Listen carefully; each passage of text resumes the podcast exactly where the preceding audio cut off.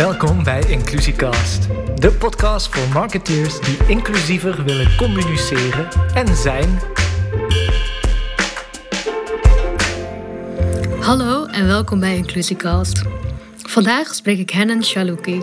Zij is de oprichter van Inclusified, podcast-host van Wat Zij Wil en auteur van het nieuwe boek Inclusieve Communicatie: Alles wat je moet weten om een divers publiek te bereiken. We hebben het over superdiversiteit. De angst om fouten te maken en hoe je daar voorbij kunt komen. En hoe je inclusie duurzaam aan kan pakken. Ik hoop dat je het net zo inspirerend vindt als dat ik het gesprek vond. Als eerste gewoon super, super, super fijn dat je er bent. Ja, heel, heel fijn om hier te zijn. als founder van Inclusified, uh, podcast host voor Wat Zij Wil en auteur van het boek Inclusieve Communicatie, ben ik natuurlijk, ja, ben je eigenlijk gewoon de autoriteit wat mij betreft. Uh, Dankjewel. In onze taal waarvan ik denk, ja, ik moet jou een keer spreken. Uh, en ik moet ook toegeven dat ik een klein beetje aan het fangirlen ben. Want ik heb het idee dat ik jou helemaal ken omdat ik de podcast compleet heb geluisterd. dus um, ik heb eigenlijk nog een miljoen andere vragen uh, die ik wil stellen. Maar we gaan het hebben over je boek. En we houden Yes. het. Uh, laten we beginnen dan bij het begin. Um, ik zou namelijk als eerst willen vragen of je me kunt uitleggen wat superdiversiteit betekent. Want daar open Ja. je eigenlijk mee. Ja, inderdaad, daar begin ik mee. Omdat superdiversiteit eigenlijk een ehm, heel interessant begrip is om na te denken over hoe diversiteit er in de realiteit uitziet. Dus dat betekent, ehm, wij hebben zelf vaak een idee, zeker als het gaat over etnische diversiteit bijvoorbeeld, dat het allemaal gaat over homogene minderheidsgroepen. Eh, zij zijn de eh, Marokkaanse Nederlanders of de Turkse Belgen. Of, en we gaan heel snel veralgemenen en die doelgroep samennemen. Terwijl je eigenlijk, als je denkt aan superdiversiteit, ga je aandacht hebben voor de diversiteit binnen de diversiteit. Dus dat betekent dat je er bijvoorbeeld ook bewust van wordt dat er binnen etnische minderheidsgroepen ook heel veel diversiteit bestaat. Als het gaat over bijvoorbeeld leeftijd, opleidingsniveau, gender, seksuele geaardheid, economische status enzovoort. Um, en dat is eigenlijk wat superdiversiteit betekent. betekent oog hebben voor het feit dat ook diverse groepen divers zijn. Ja, en dat is dan eigenlijk komt voort uit het idee van intersectionaliteit, toch? Ja. Dus dat je Ja, dat klopt. kijkt naar wat zijn de kruisende lijnen van. eh, je hebt natuurlijk nooit alleen maar een etniciteit of Nee. alleen maar een huidskleur of alleen maar een leeftijd. Dat heb je allemaal. Ja, dat klopt. En dat is inderdaad ook van waaruit intersectionaliteit vertrekt. Hè, vanuit, ehm, er zijn verschillende manieren waarop je ook gewoon achtergesteld kan worden in een samenleving. Hè. Eh, Je kan bijvoorbeeld minder kansen krijgen omdat je vrouw bent, hè, omdat je iemand bent met een donkere huidskleur. eh, of allebei. Eh, En dat is eigenlijk waar intersectionaliteit over gaat. Over het feit dat je verschillende identiteitselementen draagt als individu. eh, die ervoor kunnen zorgen dat je ofwel een streepje voor hebt... eh, of een bepaalde achterstand kan oplopen binnen onze samenleving. Ja, precies. En eigenlijk hoe ik inclusie zie in ieder geval is dat je kijkt hoe je zoveel mogelijk van die intersecties kan zorgen dat de gelijkheid, de gelijkwaardigheid juist groter wordt en de kansen groter worden. En jij had ook een hele mooie eh, definitie van inclusieve communicatie. Nu weet ik niet of je die helemaal uit je hoofd kent, want ik heb natuurlijk het boek ook bij me. Dus ik kan hem ook even voorlezen. Je mag hem zeker voorlezen. Altijd fijn om iemand anders het te horen zeggen. Dan ga ik dat doen met een Nederlands accent. Dus mocht je dat ooit een keer nodig geweldig. hebben ergens, eh, dan eh, voel je vrij te gebruiken. Inclusieve communicatie is een benadering van communicatie die zoveel mogelijk mensen probeert te bereiken en te betrekken, waarbij toegankelijkheid, herkenning en begrip worden nagestreefd en waarvan het resultaat leidt tot positieve communicatie vrij van stereotypen. ja, dat is hem. Heel mooi. Hoe lang ben je ermee bezig geweest om deze definitie bij elkaar te. Eh, toch wel een paar maanden. Ehm, ik denk dat er, er was al een eerste versie, maar ik vond, ik vond de, de huidige definities die vandaag bestaan vaak niet allesomvattend genoeg. Ehm, Omdat als, het, als we het hebben over inclusieve communicatie, er heel vaak wordt gedacht vanuit bepaalde groepen ehm, of bepaalde kenmerken en heel veel andere kenmerken uit het oog worden verloren. Ehm, en ik denk dat dat de reden is dat ik er zelf nog wel aan heb gesleuteld en dingen heb aangepast. Omdat ik wel wou dat zoveel mogelijk, dat het zo relevant mogelijk zou zijn. ehm, voor iedereen die met communicatie bezig is. Ja, mooi. En wat heb je dan voornamelijk gesleuteld daaraan? Wat heb je toegevoegd of eraf gehaald? Ik denk als het gaat over stereotypen bijvoorbeeld, daar zijn we het daar zijn we het allemaal wel over eens. Hè. We willen, we willen uh, stereotypen vermijden. Stereotypering kan voor heel wat negatieve gevolgen zorgen. Dat is iets waar, waar we het uh, zo goed als over eens zijn hè, in de meeste kringen.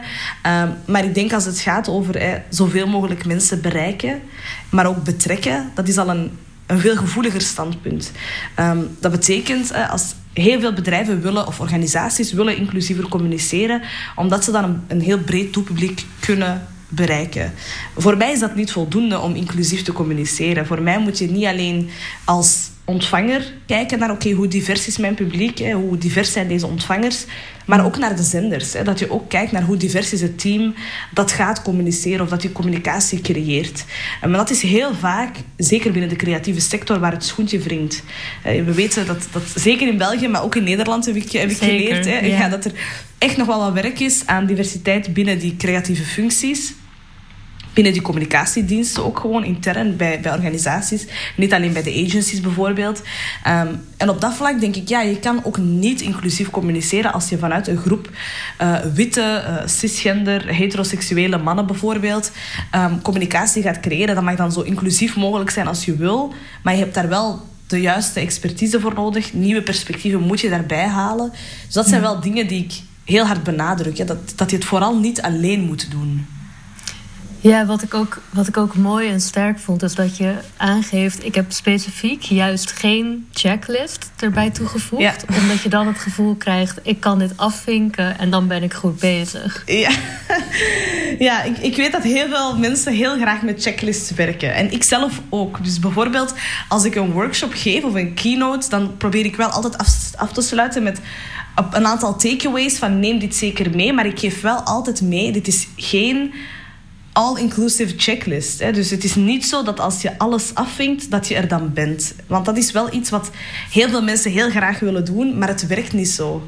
Um, inclusie hmm. verandert ook steeds. En dat is ook iets waar je heel bewust van moet zijn. Um, bijvoorbeeld als we vandaag denken aan beeldvorming. Heel veel organisaties willen evenveel mannen als vrouwen in beeld brengen. En zeggen dan, ja, we willen voor gendergelijkheid gaan. Hè.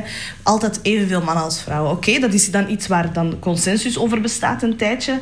Maar nu merk je bijvoorbeeld ook steeds vaker in genderdebatten... dat ook mensen die zich niet associëren met zowel het vrouwelijke als het mannelijke geslacht... ook wel gerepresenteerd willen worden. Dus hoe pak je dat dan aan? En dat zijn dingen waar je ook constant in moet leren, constant in moet groeien. Dus als je gewoon werkt met een checklist en die checklist tien jaar lang dezelfde checklist blijft, ja, dan ga je er ook niet geraken. Want dan ga je op de duur ja, een, een achterstand creëren. En, en dat is natuurlijk ook niet de bedoeling. Dus ik wil geen checklist aanbieden als ik niet weet dat die um, duurzaam kunnen zijn. Dus, dus wat, hmm. wat in mijn boek aan bod komt, ik probeer het wel allemaal zo duurzaam en zo lange termijn mogelijk te formuleren. Hè. Dat dingen waarmee je aan de slag kan gaan, dat die ook echt een impact kunnen creëren op lange termijn. Ja, mooi. Heel mooi. Ja, want ik had ook, ik moest heel hard lachen om bepaalde stukjes, omdat het zo herkenbaar was. uh, en vooral ook één quote over um, die alle marketeers roepen, inclusief mijzelf. Namelijk dat als je iedereen wil bereiken, dan bereik je niemand. Ja. En toen dacht ik, oh ja, dit heb ik tegen mensen gezegd. En dit is ook wat ik af en toe wel terughoor van, ja, maar je kan het nooit goed doen voor iedereen of zo. En dat is zo'n dooddoener. En jij had daar een hele mooie comeback op. En ook een manier van, ja, je kunt daadwerkelijk wel een doelgroep hebben, maar die daarna verbreden. En ja, zou je daar iets over kunnen vertellen, hoe jij dat aanpakt? Ja, zeker. Als iemand dat tegen je zegt. Want het is inderdaad een dooddoener. Het is zo van, ja, we kunnen het niet inclusief doen, want dan doen we het niet goed. Einde verhaal. en dan stopt het daar gewoon. Dus dat vind ik een hele vervelende, want ik hou niet van dooddoeners. het zijn vaak excuses om niks te moeten doen. Um, nee, mijn, mijn eigen theorie daarop, of mijn eigen strategie daarbij, is dat je, je moet niet iedereen bereiken. Dat is niet de bedoeling. Je hebt altijd een bepaald doelpubliek, dat is oké. Je mag ook echt een bepaald doelpubliek hebben. Het probleem is dat we dat doelpubliek vaak niet divers genoeg benaderen. Dus als we denken aan bijvoorbeeld studenten geneeskunde, ik zeg nu maar iets, ehm, dan denken we aan uh, witte, hogere klasse studenten, kinderen van uh, uh, kinderen van hoogopgeleide mensen bijvoorbeeld, uh, witte mensen, mensen die een bepaalde taal spreken, uit een bepaalde regio komen. En dan gaan we die zo benaderen. Het probleem is dat we heel vaak die diversiteit missen die wel realistisch gezien bestaat. Of het nu gaat over studenten of over professionals of over kinderen, ouders, eender welke doelgroep, um, wordt vaak niet in al haar diversiteit benaderd. En dat is waar het probleem zit. Dus ja, ik zeg dan altijd van ja, je moet niet iedereen bereiken. Je kan je echt wel richten op een bepaald doelpubliek, maar probeer er wel bij stil te staan hoe divers dat doelpubliek in werkelijkheid is. En dan gaan we ergens geraken. En dan kan je dat alvast inclusiever maken. Maar gewoon zeggen, ja, dit werkt niet of dit gaat marketinggewijs niet lukken, is een beetje, is een beetje zwak. ja, of inderdaad dat je dan je laat leiden door het hele het, het beeld wat jij hebt van de doelgroep. In plaats van hoe de doelgroep er daadwerkelijk uitziet. Want ik vond het ook heel mooi om te lezen dat als je uitgaat van die superdiversiteit. De maatschappij wordt nu eenmaal diverser. En dan kun je dan kun je er niet. ja, je kunt ervoor kiezen om daar niet aan mee te doen, maar de maatschappij kan, ga je niet tegenhouden. nee, ja, dat is, dat is dat is een hele, een hele gevoelige kwestie ook. Hè. Ook vanuit politiek standpunten gezien. Er zijn mensen die het niet fijn vinden dat onze samenleving zo divers is. Dat is jouw volste recht. Uh, maar inderdaad, ook dat recht om het niet leuk te vinden, gaat, gaat de evolutie niet veranderen. Um, en ik denk dat dat wel iets is waar, waar organisaties zich steeds bewuster van worden. Van, ja, het maakt eigenlijk niet uit hoe we er tegenover staan, het is er wel. En dat geldt voor eender welke diversiteit. Hè. Dus je moet daar wel op een inclusieve manier mee omgaan. Want dit gaat over mensen, dit gaat over uh, citizens, over burgers, over, over um, medewerkers, over klanten, over consumenten. Dus je moet daar wel op een open manier naar kijken. Ja, mooi. Heel mooi. Want jij zegt het ligt gevoelig. En ik merk dat zelf dus ook. Dat het vaak echt wel een gevoelige snaar raakt bij mensen. Heb je een idee hoe dat kan? Waarom, waarom is inclusie voor zoveel mensen zo gevoelig? Het is, het is gevoelig omdat het heel ongemakkelijk kan zijn. Hmm. Ehm, ik denk dat heel veel mensen ehm, ongemakkelijk worden van thema's als diversiteit en inclusie. Um, omdat ze het gevoel hebben dat ze dingen verkeerd doen. Of omdat ze gewoon hmm. dingen verkeerd doen. Dat kan ook. Hè. en ik denk dat dat de reden is dat het een gevoelig thema is. En mensen gaan vaak heel defensief reageren bijvoorbeeld. Of, of, willen er zo weinig mogelijk om, over zeggen. Om, om niet, juist niet de verkeerde dingen te zeggen. Dus we gaan daar heel hard rond dansen, rond het thema. Het probleem is, ja, op een bepaald moment stopt de muziek en moet je ook wel echt iets doen. iets doen. En dat is wanneer het problematisch begint te worden. Hè? Omdat je dan wel echt merkt van oei, ik heb dit zo lang genegeerd. Of ik heb er zo lang niks mee willen doen uit angst voor dit. Of omdat ik het juist zo'n awkward thema vind nu moet ik er wel echt iets mee doen. Ehm, en ik denk dat dat het punt is waar we nu steeds meer op komen. Maar waarom het zo gevoelig is, is ook gewoon... Ja, mensen en verandering gaan niet altijd zo goed samen. Dat hebben we in het verleden gezien met de digitalisering. En dat zien we nu ook weer opnieuw met de diversiteit. Niet iedereen vindt het fijn om zich te moeten aanpassen. En we gaan dan heel snel in een, een beetje een egocentrische rol kruipen en zeggen: ja, moet ik mij aanpassen voor de ander? Moet de ander zich niet hmm. aanpassen aan mij bijvoorbeeld? Terwijl we ons allemaal moeten aanpassen. we moeten allemaal vooruit. We moeten allemaal bepaalde uh, mechanismen aanleren of afleren. Um, en ik denk dat het veel productiever is en positiever om op die manier te denken dan om ja, te willen blijven vasthouden aan een status quo dat hoe dan ook gaat veranderen. Ja, en dan het is dus ook vooral een angst om het fout te doen. Ja, het is dus of de, ang of de wens dat het niet zo is, maar dat gaan we niet veranderen. En die mensen die dat zo voelen, die gaan wij waarschijnlijk ook niet veranderen. Nee, inderdaad. Tenminste, dat, ik hoop het altijd, je weet het nooit natuurlijk. Maar ik denk dat aan die angst, dat dat het grootste gedeelte is van de mensen. Van, oh, als ik het maar niet fout doe. En ook als ik dan van mezelf eh, als witte vrouw spreek. Ik heb natuurlijk enorm veel privileges. En ik vond het denk ik altijd heel moeilijk. Ik heb bijvoorbeeld heel erg getwijfeld om deze podcast te starten. Omdat ik dacht, ja, is dat wel mijn plek als witte vrouw? Hmm. Ehm, en dat... Wat heel begrijpelijk is natuurlijk, hè? Uh, maar ik denk wel, zoals ik al zei, ik denk van zodra dat je het idee loslaat dat je het allemaal niet alleen moet doen. Hmm. En dat je, het echt, dat je echt conversaties kan aangaan en andere mensen ook een platform kan geven en zelf kan bijleren in het traject, dan weerhoudt niets je ervan om iets te doen rond inclusie. Hè. De meeste uh, interne diversiteitsmanagers of inclusiemanagers die ik heb gesproken, zijn witte vrouwen of witte mannen die wel geven om diversiteit en om inclusie. Um, dat betekent dus dat je er inderdaad wel iets mee kan doen. Ik denk het belangrijkste daar is om te onthouden dat je zeker niet alles weet of niet alles kan begrijpen. Um, en dat is, heeft niet alleen met huisdeur te maken, maar bijvoorbeeld, ik heb onlangs nog niet zo heel lang geleden de vraag gekregen om um, uh, advies te geven over een campagne voor de LGBTQIA community. Um, en het eerste wat ik dan zeg is, ik wil daar gerust naar kijken, maar ik ga dat niet alleen doen. Mhm. Want ik ben zelf een cisgender heteroseksuele vrouw en er zijn ongetwijfeld bepaalde uh, mechanismen zoals uitsluiting die ik wel kan begrijpen, maar andere dingen die ik ook helemaal niet ervaar. Dus ik zou het heel vreemd vinden om een community te gaan vertegenwoordigen of, of te doen alsof ik die expertise of die ervaring heb als ik dat niet heb. Ehm, dus ik denk dat, dat dat wel belangrijk is. Hè. Als, je, als je die angst wilt loslaten van... Kan ik hier wel iets mee doen? Is dit wel mijn positie? Is dit wel mijn plek? Dat je wel leert om met andere mensen samen te werken. En dat dat een goede manier is om die angst te gaan overwinnen. Ja, zeker. Ja, want dat merk ik nu al door de podcast te starten en mij op te stellen als... Ik ben hier aan het leren Ehm, en ik neem andere mensen met mij mee om te leren. En het is eigenlijk een alibi om heel veel interessante, mooie mensen te spreken. En ik heb al zoveel meer nu opgestoken. Dan valt die angst ook veel meer weg. Ja. En dat, ehm, dat het überhaupt een, uh, een basishouding is eigenlijk van... Ik, ik doe mijn best, ik doe het zo goed mogelijk. En altijd iedereen mag mij corrigeren. Ook dat, dat, dat is een heel belangrijke houding. Dat, ja. dat, dat, dat als iemand jou aanspreekt ergens op, dat je dan eigenlijk kan zeggen: Goh, dankjewel, dat wist ik niet. Ik ga dat vanaf nu anders doen. Ja, ja dat is een hele belangrijke houding. Ehm, zo van: je mag mij verbeteren en ik ga het niet persoonlijk nemen. Of ik ga het niet. Ehm, ik ga het niet zien als een persoonlijke aanval of ik ga het niet gebruiken als een excuus om helemaal niks meer te doen. van ja, ik doe het toch niet goed, dus dan doe ik maar niks meer.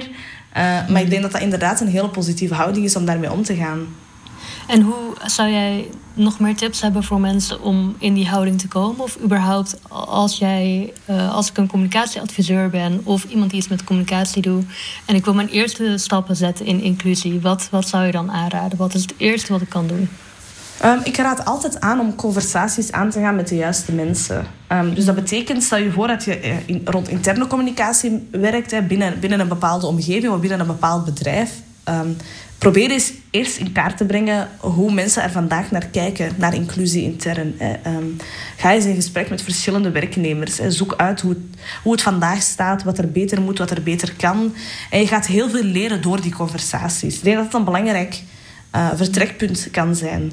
Ehm, hetzelfde geldt voor mensen die extern werken, marketeers of agencies ehm, die, die met klanten werken zoals ik al zei, je moet het vooral niet alleen doen, maar ga ook echt die conversaties aan. Hè. Dus spreek iemand aan, probeer daarover um, in gesprek te gaan. Maak duidelijk dat jij bepaalde dingen niet weet en, en de ander misschien wel, dat je wil leren. Um, en, en hou die open houding. Um, dat is belangrijk. Zoals je zei daarnet, hè, dat mensen je kunnen corrigeren, is, is iets wat, wat niet iedereen altijd even fijn vindt, maar wat als het gaat over inclusie wel heel belangrijk wordt. dus ik denk dat dat een aantal dingen zijn die je kan doen als eerste stappen gewoon um, om wel een verschil te maken. En wat zie jij als eigenlijk de grootste valkuilen van mensen als ze beginnen aan inclusie? Oh, er zijn heel veel valkuilen natuurlijk. ja, het, is een, het is een breed topic. Hè. Er zijn heel veel valkuilen. Ik denk de grootste valkuil is om uh, het allemaal, allemaal heel snel heel goed te willen doen. Um, dus dat betekent, en dan, dan, dan merk je bijvoorbeeld dat, dat een organisatie opeens heel veel diverse stokfoto's heeft staan op de website. En, um, en allerlei acties begint te ondernemen om duidelijk te maken van hé, hey, we zijn divers, we zijn inclusief. Maar als je dan gaat kijken naar de werkelijkheid, dat dat bijvoorbeeld toch niet zo mooi allemaal in elkaar zit. Hè? En dat, er, dat, dat mensen met een soort van inhaalbeweging bezig zijn. En dat is goed, maar je moet niet alles op één dag proberen te fixen. Of te herstellen. Uh, dat werkt zo niet. Je hebt daar echt tijd voor nodig en je moet het ook wel gaan beschouwen als een proces. Eén ehm, stap kan zijn, ik ga in gesprek met anderen, ik verzamel informatie, ik maak daar werk van. De tweede stap kan zijn, wat hebben we nu nog nodig? Laat ons eens een plan maken samen of een strategie opstellen. Uh, wat zijn de eerste dingen die we moeten doen binnen die termijn? Wat gaan we daarna doen? Maar maak er een lange termijns plan en strategie van. In plaats van te denken, vanaf nu zijn we divers. Deze week moet de hele website omgegooid worden. en dan gaan we alles heel snel in orde brengen. En dat is wel een fout die heel vaak gemaakt wordt tegenwoordig. Hè? Omdat iedereen uh, het opeens heel goed wil doen. Maar dat wil niet zeggen dat je het moet gaan rushen. Dat je het proces uh, moet gaan versnellen. Dat is een, een hele grote valkuil. Ja, en dat haakt eigenlijk ook heel mooi aan op de drie waarden die je aangeeft. Hè? Van dat je, wat was het, Ja. moed, authenticiteit en Transparantie. transparantie. Dat was de laatste.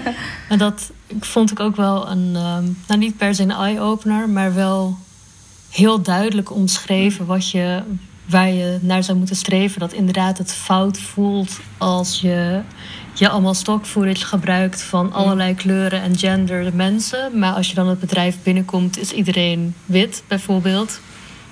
Ja, dat, dat Eh. gaat natuurlijk over alle soorten communicatie, maar het is bij inclusie nog zoveel belangrijker.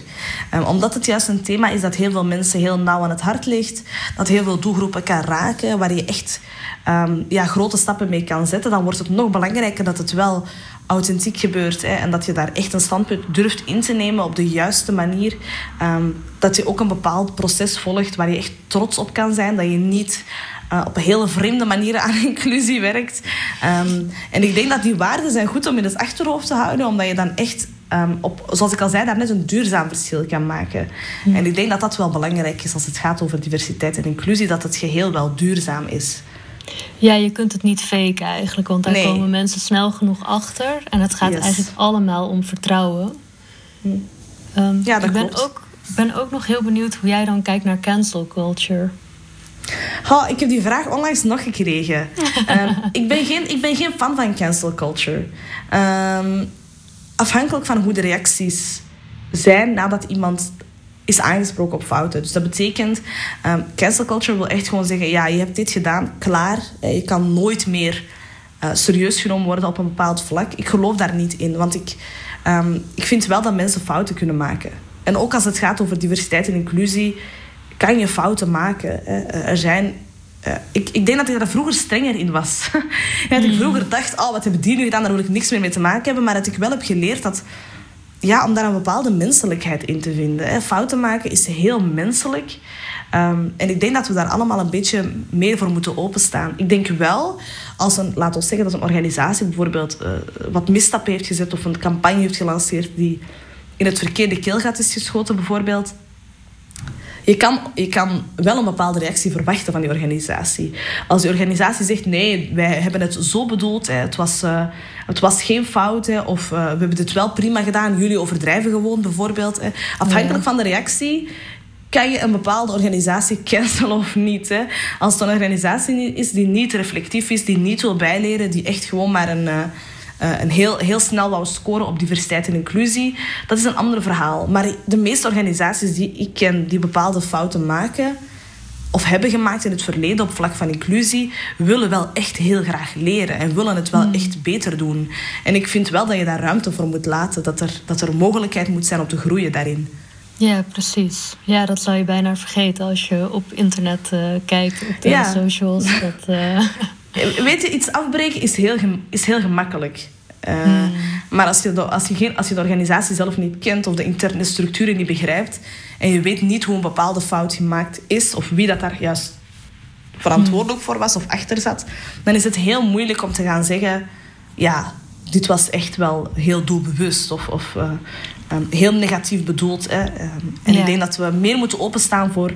Oké, er is een fout gebeurd. Zeker niet oké, maar de organisatie heeft verantwoordelijkheid opgenomen of heeft bepaalde stappen gezet om het in de toekomst te vermijden. Dus daar kunnen we wel mee verder. En ik denk dat het wel dat het een heel ander soort verhaal kan zijn dan gewoon een organisatie die er helemaal niks om geeft.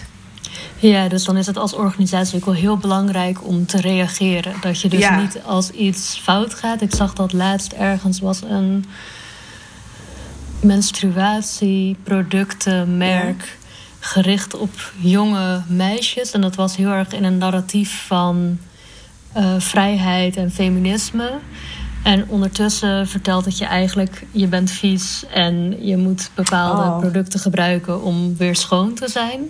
En daar was een enorme backlash op. Maar zij hebben gewoon alle, alle comments uitgezet en gewoon niet gereageerd. En dan denk je, ja, dat, Ja, dat is je alles wat je. Nee, Ja. dat is alles wat je niet moet doen. Dat, dat, als je het echt meent, als ze echt met de beste intenties dachten, we gaan iets feministisch neerzetten en dat en, en, en ja, en daarvoor moet je vagina ruiken naar een roosje, zeg maar. dat, dat, dat kunnen we aan elkaar rijmen. Dan, dan, dan denk ik, oké, dan, dan, dan, dan gaat er al iets mis. Maar laten we dan, ja, als je dat dan hoort, hoeveel backlash er is, dan ja, praat er dan over. Van, oh, dat was niet wat daar... we bedoelden. ja. dat kan je niet negeren. Zo'n reacties kan je nooit negeren. Dat, mensen vergeten dat ook niet. Uh, dat je het hebt genegeerd op dat moment. Dus je kan best daar wel heel, heel ja, constructief mee omgaan. Oké, dan ben ik nog benieuwd of jij een concrete tip hebt of een actie. En dit, dit is natuurlijk, ik realiseer me dat hier het gevaar ligt uh, dat we voor de quick wins gaan. Maar is er iets wat mensen vanaf morgen of vanaf vandaag, vanaf nu, anders kunnen doen om inclusiever te communiceren? Um, ja, er, er, zijn wel wat quick wins. Hè. Ik, ik, ben niet per se tegen quick wins. Ik denk wel, eh, het moet wel verder gaan dan alleen quick wins. Ehm, ik denk wat je vandaag kan doen als persoon die communiceert, is ehm, je heel bewust zijn van bepaalde vooroordelen die je misschien ingedraagt. Um, en we hebben ze allemaal, we hebben allemaal onbewuste vooroordelen. We, we hebben allemaal bepaalde ideeën of beelden over doelgroepen. En ik denk dat we ons daar veel bewuster van moeten zijn. En, en daar al bepaalde dingen in leren loslaten. Dat is één ding dat je kan doen. Um, en jezelf daarin trainen. Is zeker geen gemakkelijke. Uh, maar het is wel iets waar je werk van kan maken. Ik denk, um, als het gaat over quick wins, zoals ik daarnet zei, die conversaties aangaan met verschillende mensen, is wel een quick win. Um, je kan heel gemakkelijk je telefoon oppakken en uh, een aantal mensen opbellen binnen je bedrijf of buiten je bedrijf en gesprekken aangaan en bijleren. Um, en ik denk dat dat iets is wat we allemaal moeten doen, constant. Maar zeker als je echt het gevoel hebt van wow, hier weet ik niks over. Um, Het is 2021 ondertussen. Het is wel belangrijk om, om je daar bewust van te zijn dat er dingen veranderen.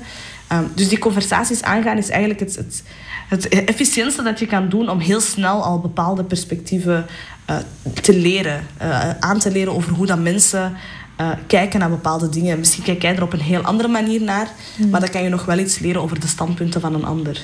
Hoe zou jij dat gesprek aangaan? Hoe zou je dat openen? Heb je bepaalde vragen die je dan zou stellen die handig zijn? Of? Ik, zou het, ik zou het heel eerlijk openen. Ik zou ook gewoon heel eerlijk zeggen van... hé, hey, um, ik doe dit als job of ik, ik hou mij dagelijks hiermee bezig. Maar ik merk dat ik op het vlak van inclusie nog heel weinig kennis bezit. En ik wou je daar graag wat vragen over stellen.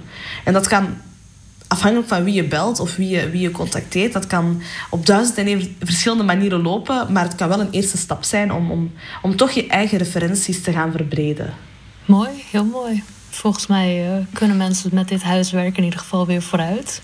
Ik hoop het. Is er nog iets wat je graag zou willen toevoegen over inclusie of um, als jij oh, er is direct nog zoveel dat ik zou willen toevoegen. Ja, iets, iets wat je elke marketeer of, uh, of uh, communicatieprofessional op het hart zou willen drukken. Uh, is denk niet dat jij de, de standaard bent.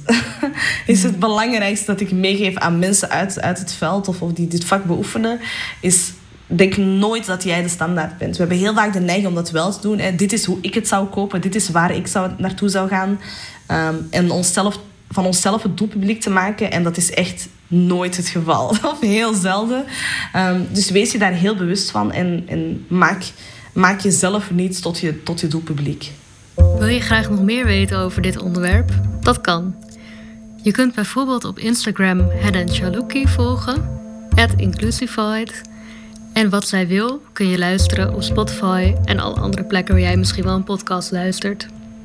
Verder kun je inclusieve communicatie nu bestellen bij bol.com of managementboek.nl. Verder vind ik het heel erg leuk om van jou te horen als je deze aflevering hebt geluisterd. Voeg me vooral toe op LinkedIn. Mijn naam is Evita Lammes.